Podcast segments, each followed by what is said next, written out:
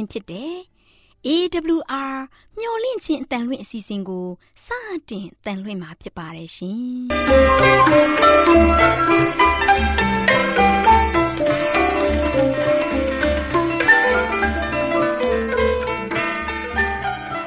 ဒေါက်တာရှင်များခင်ဗျာ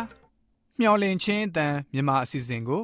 နက်နက်6နိုင်မိနစ်30မှ9နာရီအထိ16မီတာ kHz 10653ည ညပိုင်း9နာရီမှ9နာရီမိနစ်30အထိ16မီတာ kHz 19533ညမှနေ့စဉ်အတန်လှွင့်ပေးနေပါတယ်ခင်ဗျာဒေါက်တာရှင်များရှင်ဒီကနေ့တင်ဆက်ထုတ်လွှင့်ပေးမယ့်အစီအစဉ်တွေကတော့ကျမ်းမာပျော်ရွှင်လူပေါင်းတွင်အစီအစဉ်တရားဒေသနာအစီအစဉ်အထွေထွေဘုဒ္ဓအစီအစဉ်တို့ဖြစ်ပါတယ်ရှင်ဒေါက်တာရှင်များရှင်အာရော temperament လာပန် ကျမ်းမာခြင်းသည် လူသားတိုင်းအတွက်အဓိကအရေးဖြစ်ပါသည်ဒါကြောင့်ကိုရောစိတ်ပါကျမ်းမာစေဖို့ယင်ကျမ်းမာခြင်းတရင်ကောင်းကို တင်ဆက်ပေးလိုက်ပါတယ်ရှင်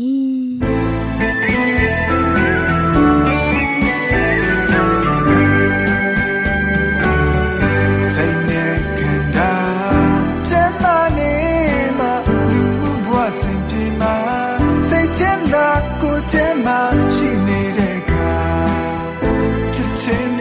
များစွာပေးကဲဝေမျှပါတော်တာရှင်များရှင်ကျမပျော်ရွှင်လူပေါင်းတွင်ကျမရဲ့ကဏ္ဍမှာကျမချယ်ရီနဲ့ကျမခိုင်တို့လေ့လာထားတယ်တက်ရှိကျမချင်းရဲ့အအောဖွယ်ရအချက်များဆိုတဲ့အကြောင်းလေးကိုဆွေးနွေးတင်ဆက်ပေးသွားမှာဖြစ်ပါတယ်ရှင်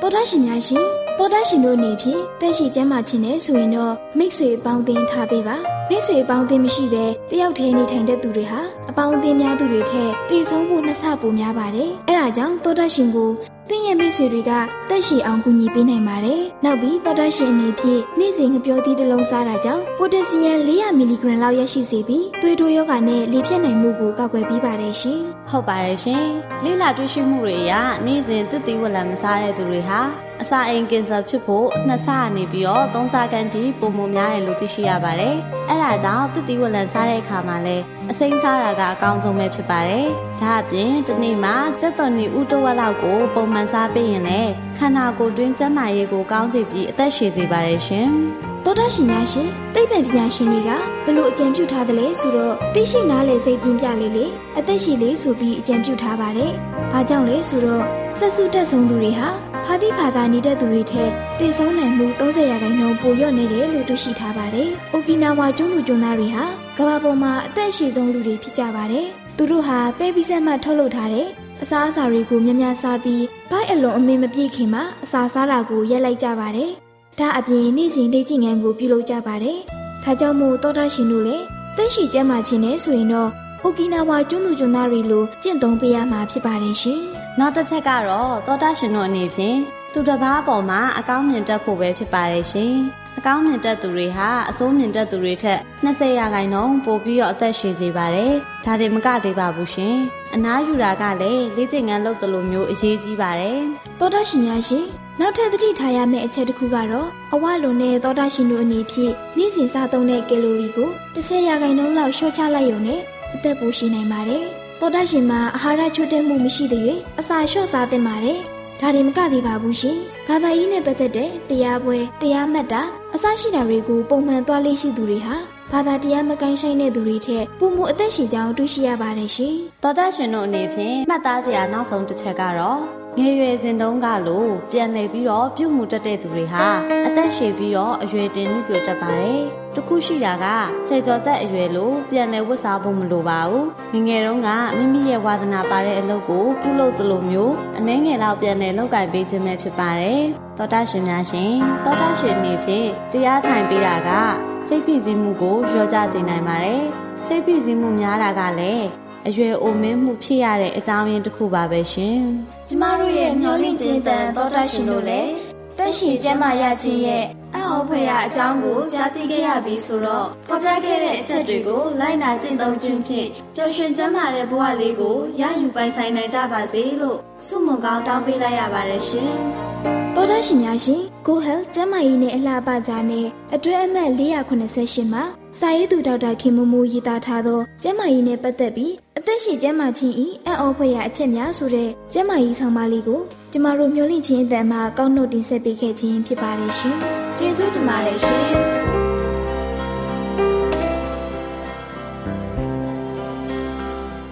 တောတရှင်မြမပြည်သူပြည်သားအပေါင်းရှင်လန်းချမ်းမြေတော်မူကြပါစေရှင်ဘောလူပြောင်းလဲခြင်းရဲ့အဓိကအကြောင်းရင်းဆိုတဲ့ခေါင်းစဉ်နဲ့ဟောကြားသွားမှာဖြစ်ပါတယ်ဒီကနေ့လဲရှင်ဘောလူရဲ့အသက်တာအကြောင်းတစ်စိတ်တစ်စောင်းစဉ်းစားကြည့်ကြရအောင် ရှင်ဘောလူကခရိယန်တွေကိုသိမုန်းတဲ့ပုဂ္ဂိုလ်ပါခရိယန်တွေကိုလိုက်လံညှင်းဆဲနေတဲ့ပုဂ္ဂိုလ်ပါခရိယန်ယုံကြည်ချက်ဟူသည်မျှကိုဆန့်ကျင်မဲ့ပြုပြီးတော့ခရိယန်တွေကိုကျူပင်ခုတ်ကျူငုံမကြာအမြင့်ဖြတ်ပစ်ဖို့ဆုံးဖြတ်ချက်ချထားတဲ့ပုဂ္ဂိုလ်ပါခရစ်တော်နဲ့ခရိယန်တရားကိုဆန့်ကျင်မဲ့ပြုနေရကနေပြီးတော့ခရစ်တော်ရဲ့ဓမ္မဂရိကကြီးတယောက်အဖြစ်ရှင်ဘောလူပြောင်းလဲသွားခဲ့ခြင်းဟာအလွန်စိတ်လှုပ်ရှားစရာကောင်းတဲ့ဖျားသခင်ရဲ့ကျေးဇူးတော် တကိုးဆိုရင်ဘယ်သူမှညှင်းနိုင်မှာမဟုတ်ပါဘူးရှင်ဘောလူအနေနဲ့သခင်ယေရှုခရစ်ကိုယေရုရှလင်မြို့မှာအကြိမ်ကြိမ်တွေ့ခဲ့ဘူးပေမဲ့သခင်ယေရှုခရစ်ပေါ်တန်တရားစိတ်တွေသာပွားခဲ့ပါတယ်လုံးဝယုံကြည်လက်ခံခြင်းမရှိခဲ့ပါဘူးသခင်ယေရှုခရစ်ကိုလက်ဝါးကားတိုင်းမှာတင်သက်ပြီးကြတဲ့နောက်သခင်ယေရှုခရစ်ရဲ့အရှိန်အဝါတွေကွယ်ပြောက်သွားလိမ့်မယ်လို့မျှော်မှန်းခဲ့ပေမဲ့သခင်ယေရှုခရစ်ရဲ့အရှိန်အဝါကတော့ကွယ်ပြောက်မသွားခဲ့တဲ့အပြင်ပိုလို့ပင်တိုးတက်လာတာတွေ့ရပါတယ်ဒီချက်က ရှင်ပေါလုရဲ့အသက်တာအတွက်သခင်ယေရှုခရစ်ပေါ်စိတ်ပါဝင်စားလာတဲ့အချက်တစ်ချက်ပေါ့သခင်ယေရှုခရစ်နဲ့ရှင်ပေါလုဟာအသက်ရွယ်အားဖြင့်ရွယ်တူတန်းတူလောက်ပါအသင်းတော်ကိုစတေဖန်ရဲ့ဆူတောင်းချက်အရရှင်ပေါလုအကျွေးဆက်ဆရာရှိနေတယ်လို့စိန့်အော်ဂတ်စတင်းဆိုတဲ့ပုဂ္ဂိုလ်ကြီးကပြောခဲ့ပူပါတယ်မှန်ပါတယ်ခြေတော်တော်ရှင်ပေါလုခင်ဗျာ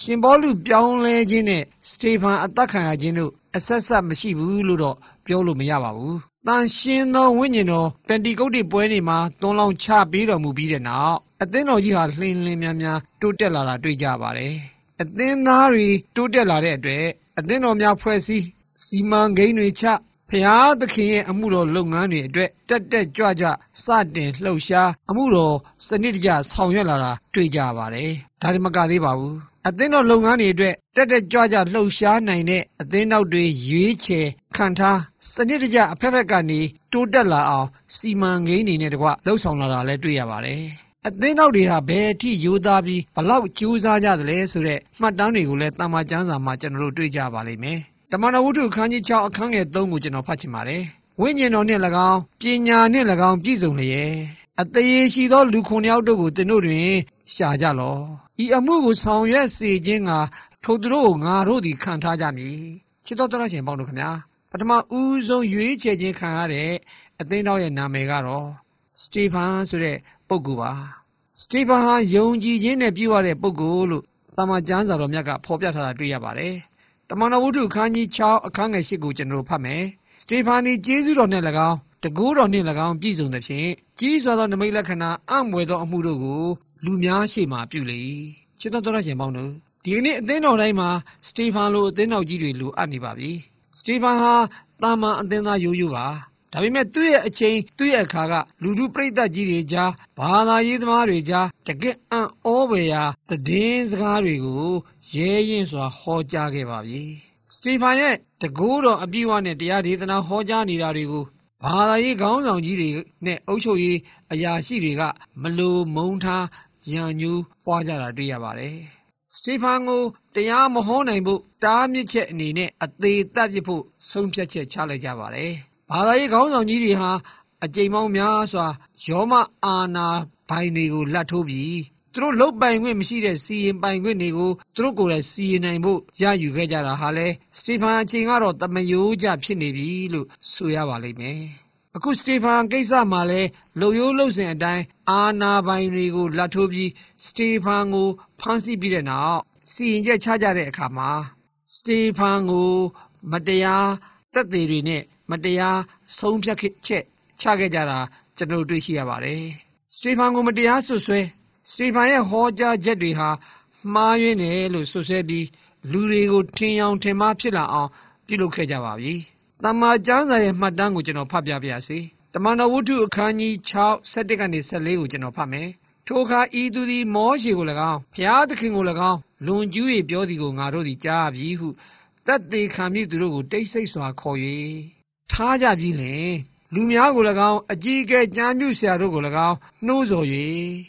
တတိဖန်ထံသို့လာသဖြင့်ဖမ်းဆီး၍လွတ်တော်သို့ပို့ကြ၏မမှန်သောတသက်ခံတို့ကိုခေါ်၍ဤသူသည်တန်ရှင်းသောအယတ်ဌာနတော်နှင့်ပညာတရားတော်တို့ကိုလွန်ကျူး၍အစင်မပြပြောဆိုလျက်နေပါ၏ထိုနာဇက်မြို့သားယေရှုသည်ဤအယတ်ဌာနတော်ကိုဖျက်ဆီး၍မောရှိကအပ်ပေးသောထုံးဤဥပဒေသားတို့ကို ပြောင်းလဲစေမည်ဟုဤသူတို့သည်တုံသင်ကြပါပြီသူရဲ့တုံသင်ချက်ကိုကျွန်ုပ်တို့သည်ကြားပါပြီဟုတက်သေးခံကြ၏စာရမဏကစတီဖန်တိတ်သွားဖို့ကြိုးစားခဲ့ပါတယ်လိန်လေလှည့်ပြားခဲ့ပါတယ်လူတွေအမြင့်မားသွားအောင်လှည့်စားခဲ့ပါတယ်ဒါပေမဲ့လေစတီဖန်ဟာအံ့ဩဖွယ်ရာတကူတော်နဲ့သူ့ရဲ့ယုံကြည်ခြင်းကိုကာကွယ်ပြောကြားသွားတာတွေ့ကြပါတယ်စတီဖန်ရဲ့ကြောင်းယုံခြင်းမရှိတဲ့လှုပ်ဆောင်ခြင်းဟာ ကောင်းကင်ကြီးတစ်ခုလုံးအဓိကစိတ်ဝင်စားပြီးစောင့်ကြည့်ရှုနေကြတဲ့အကြောင်းရင်းတစ်ခုဖြစ်ပါတယ်စတီဖန်ရဲ့မျက်နှာမှာလည်းဖျားသခင်ရဲ့ဘုန်းတော်ရောင်ကြီးတွေနဲ့တောက်ပနေတဲ့အကြောင်းတာမကျမ်းစာရဲ့မှတ်တမ်းမှာဖတ်ကြည့်ကြပါအောင်စို့တမန်တော်ဝုဒ္ဓခန်းကြီး6အခန်းငယ်15လွတ်တော်နဲ့ထိုင်လျက်ရှိသောသူအပေါင်းတို့သည်စတေဖန်ကိုစေးစေးကြည့်ရှုလင်သူ၏မျက်နှာသည်ကောင်းကင်တမန်၏မျက်နှာကဲ့သို့ဖြစ်သည်ဟုထင်မှတ်ကြ၏စတေဖန်ဟာကြောင်းုံခြင်းလုံးဝမရှိပါဘူးရဲရဲရဲနဲ့ ဘယ်လိုခြေပပြောဆိုခဲ့ပါသလဲတမန်တော်ဝုဒ္ဓခန်းကြီး9အခန်းငယ်51ကနေ52လေဘင်းခိုင်မာ၍နှလုံးဖြင့်၎င်းနားဖြင့်၎င်းအည်ပြားလှီးခြင်းကိုမခံသောသူတို့သင်တို့သည်တန်ရှင်းသောဝိညာဉ်တော်ကိုအစင်မပြတ်ဆန့်ကျင်မဲ့ပြုပြုလို့ရှိကြ၏သင်တို့ဘိုးဘေးများအလေးနှင့်သင်တို့အလေးတူကြ၏သင်တို့ဘိုးဘေးများသည်အဘယ်ပရောဖက်ကိုမငြင်းဆဲဘဲနေဘူးတနည်းဖြောင်းမတ်သောသူကြွလာမည်အကြောင်းအရာကို ဟောပြောပြညွန်သောသူတို့ကိုကိုမြင်ကြ၏ထိုဖြောင်းမတ်သောသူကိုပင်ယခုလဲသင်တို့သည်အနှံ၍အသေးတတ်ကြပြီချစ်တော်တော်ရှင်ပေါင်းတို့ခင်ဗျာစတီဖန်ရဲ့ခြေပပြောဆိုတဲ့စကားကိုကြားကြတဲ့အခါမှာဒေါသအမျက်တွေချောင်းချောင်းထွက်ပြီးအံ့အားတင့်သွားတဲ့အပြင်အံသွားတွေကြိတ်ကြတယ်လို့ဆိုပါတယ်ကျမ်းစာကိုကျွန်တော်ဖတ်ပြပါမယ်တမန်တော်ဝုဒ္ဓခန်းကြီး9အခန်းငယ်54ထိုစကားကိုကြားလင်နှလုံးကွဲမတတ်ဖြစ်၍ စတီဖန်ကိုအံသွားကြိတ်ကြ၏စတီဖန်ဟာသူတို့ဘာလို့လို့ဘာပြောပြောဘာမှဂရုမစိုက်ပါဘူးသူ့ကိုရံမူနေတဲ့လူအုပ်ကြီးကိုလည်းမကြည့်ပါဘူးသူ့ရဲ့မျက်လုံးအစုံကကောင်းကင်ကိုသာစိုက်ကြည့်နေပါတယ်။နောက်ပြီးသူဘာပြောသလဲ။တမန်တော်ဝုဒ္ဓခန်းကြီး9အခန်းငယ်55ကောင်းကင်သို့စေးစေးကြည့်မျောလျက်ဘုရားသခင်ဤဘုံတကူတော်ကို၎င်းဘုံတကူတော်ကို၎င်းဘုရားသခင်လက်ရာတော်ဘက်၌ယေရှုခရစ်ထိုင်နေသည်ကို၎င်းငါမြင်၏တော်တော်ရှင်ပေါင်းလို့ခင်ဗျာတေးသေးချာချာစဉ်းစားကြည့်ကြပါ သခင်ယေရှုခရစ်ဟာသူ့အတွက်သစ္စာရှိသောတတိဖန်ကိုမြဝါထင်နေသူ့ကိုမြင်ရအောင်ဖော်ပြသွားခဲ့တာတွေ့ကြပါတယ်ဒီချက်ဟာဘလောက်အံ့ဩစရာကောင်းပါသလဲစတီဖန်ကိုစီရင်ကြတဲ့အဖွဲ့တွေက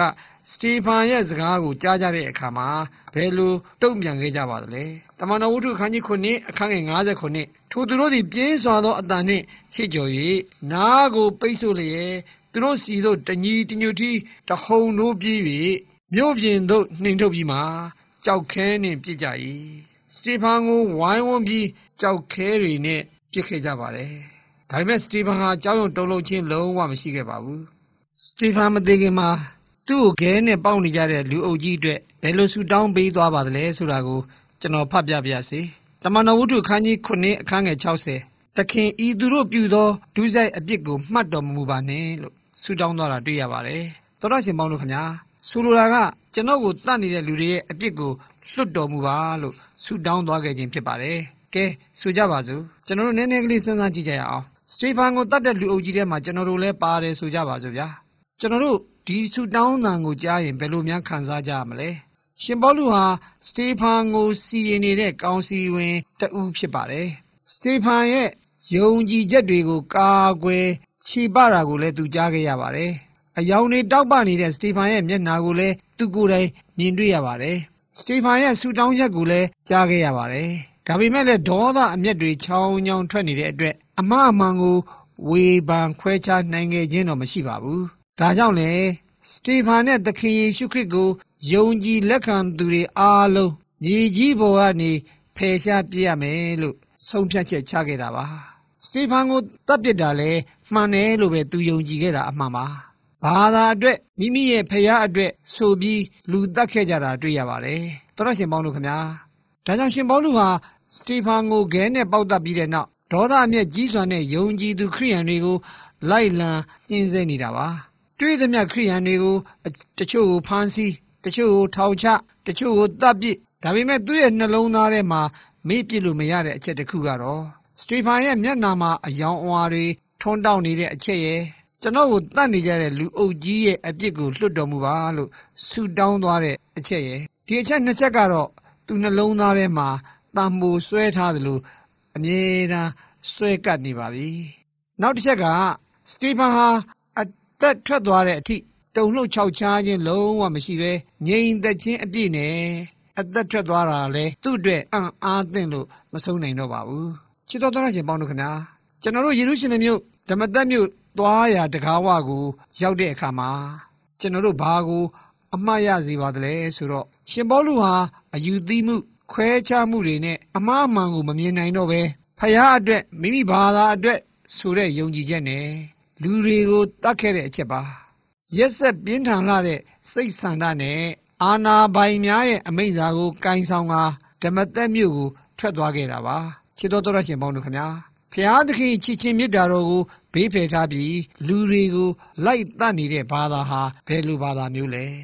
ကမ္ဘာသမိုင်းကိုပြန်ကြည့်လိုက်ပါဘာသာရေးအတွက်ဘာသာရေးသမားတွေကိုတန်းနဲ့ချီတတ်ပစ်ခဲ့ကြပါပြီလူတွေတတ်နေတာကိုပင်ဘာသာရေးအတွက်ဖယားအတွက်လို့ဆိုတဲ့ယုံကြည်ချက်နဲ့စိတ်အားထက်သန်စွာလှုပ်ဆောင်ခဲ့ကြပါပြီ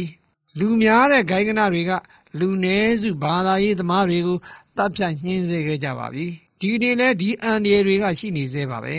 အသင်းဖွဲ့များတဲ့အထက်သူတို့ယုံကြည်နေတဲ့အချက်နဲ့မကိုက်ညီရင်တမ္မာကျမ်းစာရဲ့သွန်သင်ချက်နဲ့ကိုက်မကိုက်ဆိုတာမစင်စားတော့ပါဘူးဘာသာပြက်သာသနာပြက်ဆိုပြီးလူနည်းစုဘာသာရေးသမားတွေကိုနှီးမျိုးစုံနဲ့ပိတ်ပင်တားဆီးနှိပ်စက်ညှင်းဆဲနေကြတာတွေ့ကြပါတယ်လူတတ်နေတာကိုဘာသာရေးအတွက်ဖယားအတွက်ကဲတင်ခြင်းအတွက်လှုပ်ဆောင်ချက်အနေနဲ့လှုပ်ဆောင်နေကြသေးပါချစ်တော်တော်ရှင်ပေါင်းတို့ခင်ဗျာ ရှင်ပေါလုဟာ သခင်ယေရှုခရစ်နဲ့ မျက်ဝါးထင်နေတွေ့မြင်ပြီးတဲ့နောက်မှာတော့ သူ့ရဲ့အမှားတွေကို တွေ့မြင်ပြီး ပြောင်းလဲသွားခဲ့တာပါ။ဒါကြောင့် ကျွန်တော်တို့လည်း ဘာသာဆွဲ ဂိုင်းကနာဆွဲ လူမျိုးဆွဲတွေနဲ့ အမှားအမှန်ကို မမြင်နိုင်အောင် မျက်စိတွေ ကွယ်နေကြပါသလား။သခင်ယေရှုခရစ် ထံတော်ယင်းမှာရှင်းကပ်ခြင်းအပြင်ရှင်ပေါလုလို အသက်တာကို ပြောင်းလဲစေကြပါစို့။အာမင်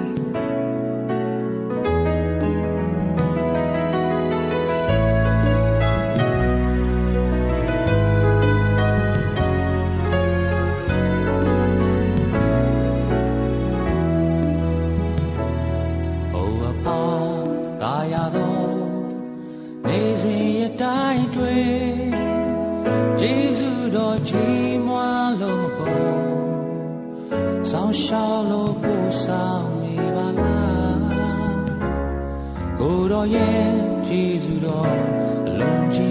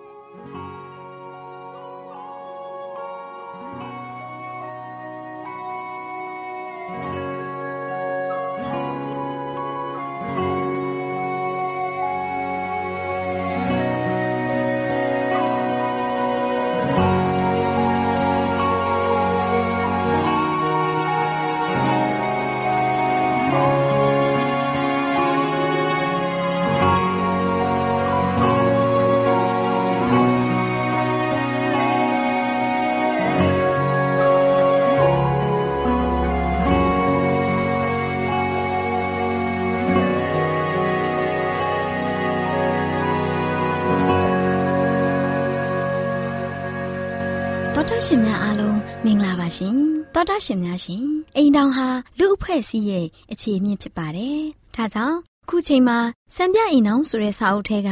ခင်မွန်းလောင်း၌ရှိရသောအရေးသွေးများဆိုတဲ့အကြောင်းအရာနဲ့ပတ်သက်ပြီးတင်ဆက်ပေးချင်ပါတယ်ရှင်တောတာရှင်များရှင်အမျိုးသမီးများအနေနဲ့အိမ်တောင်မပြုတ်မီကိုနဲ့ရာသက်ပံပေါင်းဖက်ခေးဆက်မဲ့သူဟာကိုနဲ့ထိုက်တန်သူဖြစ်မဖြစ်ကိုစုံစမ်းသင့်ပါတယ်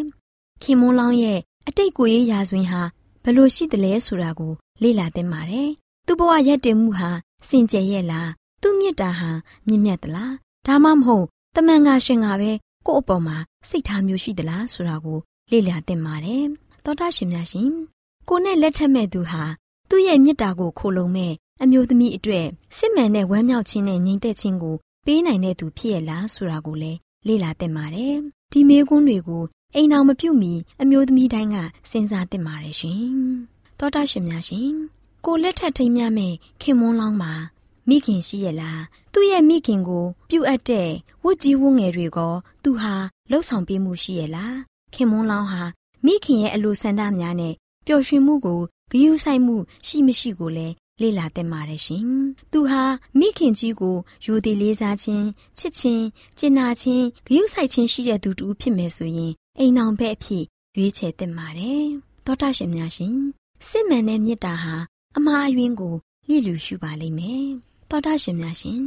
အမျိုးသမီးများအနေဖြင့်ဝရိယရှိပြီးဖះသခင်ကိုချစ်ကြောက်ယိုသေးတဲ့သူကိုသာလျှင်ရာသက်ပံအိမ်အောင်ဘက်အဖြစ်အမျိုးသမီးများကရွေးချယ်သင့်ပါတယ်ရှင်။အမျိုးသမီးများအနေနဲ့ရိုသေကိုင်းဆိုင်မှုမရှိတဲ့သူကိုရှောင်ကျင်ပါ။ပြင်းရည်တဲ့ယောက်ျားမျိုးကိုရှောင်ကျင်ပါ။တန့်ရှင်းတဲ့အရာကို မထင်မဲ့မြင်ပြုတ်တတ်တဲ့သူကိုလည်းရှောင်ကျင်သင့်ပါတယ်။ညဉ့်ညမ်းတဲ့စကားကိုပြောတတ်ပြီးတည်ရတည်ရဲ့တောက်စားတဲ့သူကိုလည်းမရွေးချယ်သင့်ပါဘူးရှင်။ဖျားသခင်ဟာသူ့အနေနဲ့ဖျားသခင်ကိုချစ်ကြောက်ယိုသေးတဲ့သူကိုသာလျှင်အိမ်အောင်ပဲအဖြစ်ရွေးချယ်သင့်ပါတယ်ရှင်။သောတာရှင်များရှင်မိမိအနေဖြင့်ကိုလက်ထက်မဲ့သူတို့သားလောင်းရဲ့အချင်းစာရိတ်တာကို ပြည့်ပြည့်စုံစုံမသိပဲစစ်ဆက်ကြောင်းလန့်မိတယ်ဆိုပါစို့စစ်ဆက်ကြောင်းလန့်ပြီးမှမေတ္တာမမျှနိုင်ဘူးကိုကသူ့ကိုယိုသေးလေးစားမှုမပြုနိုင်ဘူးဆိုရင်အဲ့ဒီစစ်ဆက်ကြောင်းလန့်မှုကိုဖျက်သိမ်းသင့်ပါတယ်မင်္ဂလာဆောင်ပြီးမှပြက်ဆဲခြင်းတဲ့မင်္ဂလာမဆောင်ပြီးစစ်ဆက်ကြောင်းလန့်ခြင်းကိုဖျက်သိမ်းခြင်းကအစပေါင်းများစွာပုံမူ၍ကောင်းမွန်ပါတယ်ရှင်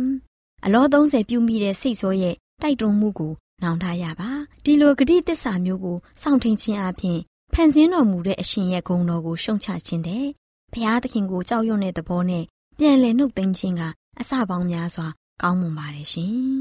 တောတာရှင်များရှင်ထိမ်းများမင်္ဂလာဆိုတာယခုဘဝနဲ့တမလွန်ဘဝကိုပါ ထိခိုက်စေတဲ့ကိစ္စဖြစ်ပါတယ်ရှင်ဒါကြောင့်နားထောင်မှုရှိတဲ့လူငယ်တူဦးနေဖြင့်ဖျားသခင်မကြည်ပြူတဲ့အကြံစီတစုံတစ်ခုကိုများကြံစီတွေးဆလောက်ကင်မှာမဟုတ်ပါဘူးရှင်နားဆင်ကြကြတဲ့ တောတာရှင်များအားလုံးပေါ်ဖဖျားရှင်ကောင်းကြီးပေးပါစေရှင်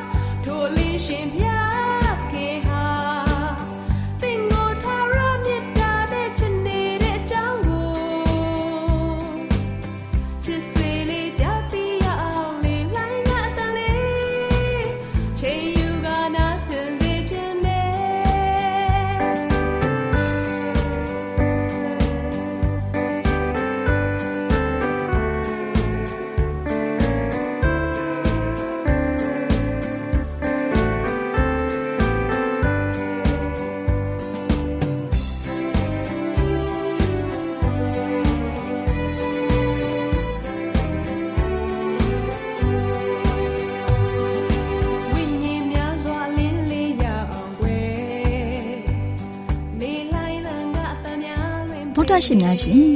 ကျမတို့ရဲ့ဗျာဒိတ်တော်စပေးစာယူတင်နန်းဌာနမှာ အောက်ပါတင်ဒားများကို ပို့ချပေးလျက်ရှိပါတယ်ရှင်တင်ဒားများမှာဆိဒ္ဓတုခရှာဖွေခြင်းခရစ်တော်၏အသက်တာနှင့်တုန်တင်ကြများတဘာဝတရားဤဆရာဝန်ရှိပါကျမ်းမာခြင်းနှင့်အသက်ရှိခြင်းသင်နှင့်တင့်ကြမာရေးရှာဖွေတွေ့ရှိခြင်းလမ်းညွန်သင်ခန်းစာများဖြစ်ပါရဲ့ရှင်တင်ဒားအလုံးဟာအခမဲ့တင်ဒားတွေဖြစ်ပါတယ် ဖြစ်ဆိုပြီးတဲ့သူတိုင်းကိုဂုံပြုလွှာချီးမြှင့်ပေးမှာဖြစ်ပါတယ်ရှင်။တော်တာရှင်များခင်ဗျာဓာတိတော်အတန်းစာပေးစာယူဌာနကိုဆက်သွယ်ခြင်းနဲ့ဆိုရင်တော့ဆက်သွယ်ရမယ့်ဖုန်းနံပါတ်ကတော့39 656 296 336နဲ့39 98 316 694ကိုဆက်သွင်းနိုင်ပါတယ်။ဓာတိတော်အတန်းစာပေးစာဥထာဏာကိုအီးမေးလ်နဲ့ဆက်သွယ်ခြင်းနဲ့ဆိုရင်တော့ l a l r a w n g b a w l a @gmail.com ကိုဆက်သွင်းနိုင်ပါတယ်။ဓာတိတော်အတန်းစာပေးစာဥထာဏာကို Facebook နဲ့ဆက်သွယ်ခြင်းနဲ့ဆိုရင်တော့ S O E S A N D A R Facebook အကောင့်မှာဆက်သွင်းနိုင်ပါတယ်။ဒေါက်တာရှင်များရှင်မျောလင့်ချင်းတန်ရေဒီယိုအစီအစဉ်မှာတင်ဆက်ပေးနေတဲ့အကြောင်းအရာတွေကိုပိုမိုသိရှိလိုပါကဆက်သွယ်ရမယ့်ဖုန်းနံပါတ်များကတော့39ကို663 686 826 ဖြစ်ပါတယ်ရှင်။နောက်ထပ်ဖုန်းတစ်လုံးနေနဲ့39ကို6 6 666တို့ဆက်သွယ်မြင်းမြန်းနိုင်ပါတယ်ရှင်။တောတာရှင်များရှင် KSTA အာကခွန်ကျွန်းမှာ AWR မျိုးလင့်ချင်းအတံမြန်မာအစီအစဉ်များကိုအတံလွှင့်တဲ့ခြင်းဖြစ်ပါတယ်ရှင်။ AWR မျိုးလင့်ချင်းအတံကိုနာတော်တာဆင် gay ကြတော့တောတာရှင်အရောက်တိုင်းပေါ်မှာဖျားသခင်ရဲ့ကြွယ်ဝစွာသောကောင်းကြီးမင်္ဂလာတက်ရောက်ပါစေ။ ကိုစိတ်နှဖျားကျမ်းမာရွှင်လန်းကြပါစေ။ကျေးဇူးတင်ပါတယ်ခင်ဗျာ။